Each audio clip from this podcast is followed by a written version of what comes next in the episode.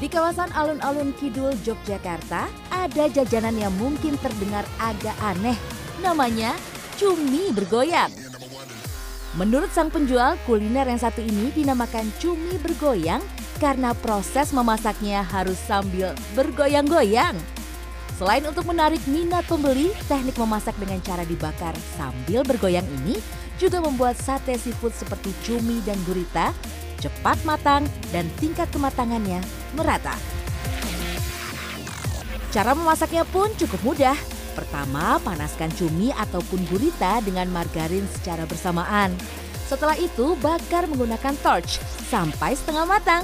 Lalu celupkan ke dalam bumbu saus rahasia dan dibakar lagi deh sampai matang merata.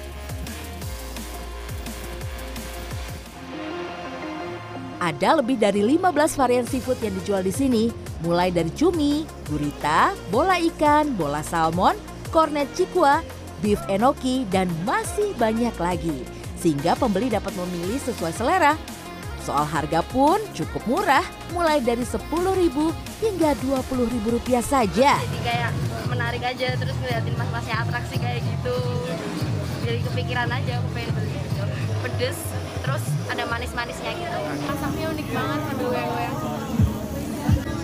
Penasaran sama rasa beef enoki.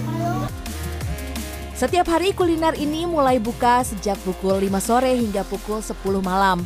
Dan dalam sehari penjual bisa menghabiskan hingga 20 kg sate seafood.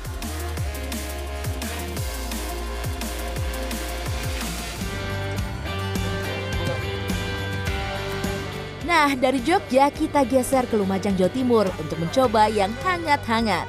Di sini ada bakso balungan dengan porsi jumbo yang bisa dinikmati untuk 5 hingga 6 orang.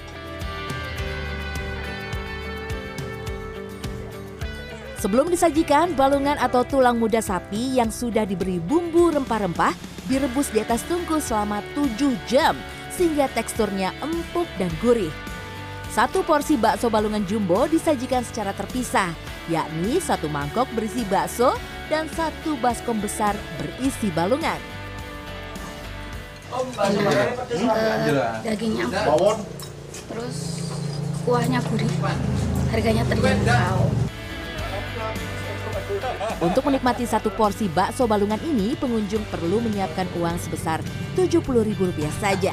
Tim Liputan CNN Indonesia.